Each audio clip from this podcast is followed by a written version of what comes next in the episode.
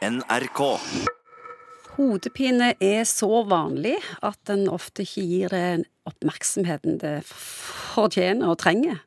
Men nå skal vi ta for oss de vanligste årsakene til at hodet ditt gjør vondt. Morten Munkvik.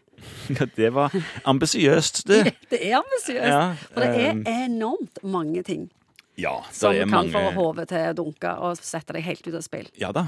Både mat og klima og drikke og sanseapparat, syke og Hvor vil du begynne? Jeg har ikke du oppsummert nå, egentlig? Men hva kan vi gjøre sjøl? Det er jo mye av dette som er Ja. selvpåført. Ja. eh, en del av det er selvpåført. Og så er det òg sånn at noen har et hode som gjør vondt av og til, mens andre er helt ukjent med begrepet hodepine. De vet ikke hva det er for noe engang. Så noen har lettere for å få det enn andre. En av de vanligste årsakene til en hodepine som du på en måte kan gjøre noe med sjøl, det er en spenningshodepine. At en er stressa kanskje, eller at en har mye å gjøre, og at en har høye skuldre og stiv og støl, og løfte skuldrene, og da vil du kanskje kunne klemme av nerver som går opp fra nakken og opp på baksiden av hodet, og med det provosere fram en hodepine. Så da er det å slappe av og få massasje og Og ikke minst være fysisk aktivitet og bruke de musklene bak. åpenbart veldig viktig å være i fysisk aktivitet og bruke kroppen.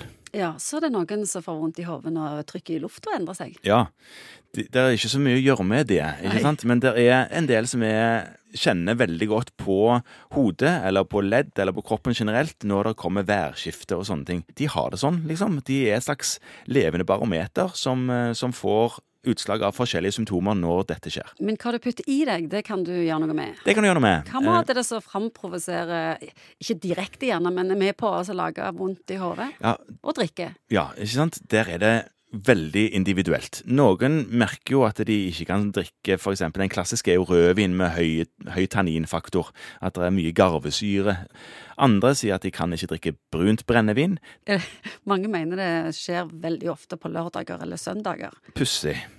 Ja. Eh, og det har kanskje med det norske drikkevanen å gjøre. At det er fredag og lørdag og kanskje søndag man legger i seg alkohol. Og det der er veldig individuelt. Det nytter ikke å sitte her og si at man skal slutte å drikke, fordi det, det kan være med på å avspenne nakken, sånn at du får mindre spenningshodepine, eksempel. Eh, en annen ting er jo at noen havner ut i en situasjon hvor de er så engstelige for å ha vondt i hodet at de tar hodepinetabletter ganske mye, og havner ut i en sånn banal situasjon hvor hodepinetabletter er med på å gi hodepine. Og det er et styr, for det de kan jo ikke ta medisiner for å bli, bli kvitt hodepinen. De må la være å ta medisiner. Hvor For- lenge må du la være? Ja, sant? For, og på sikt slippe å få hodepine. Og det Ja. kan ta lang tid. Og så er det noe med søvn.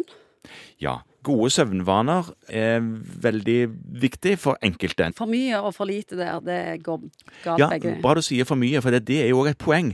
Noen tenker at de, jo mer de sover, jo mindre hodepine blir det, men det stemmer jo vanligvis ikke. For det blir tung i hodet rett og slett av det.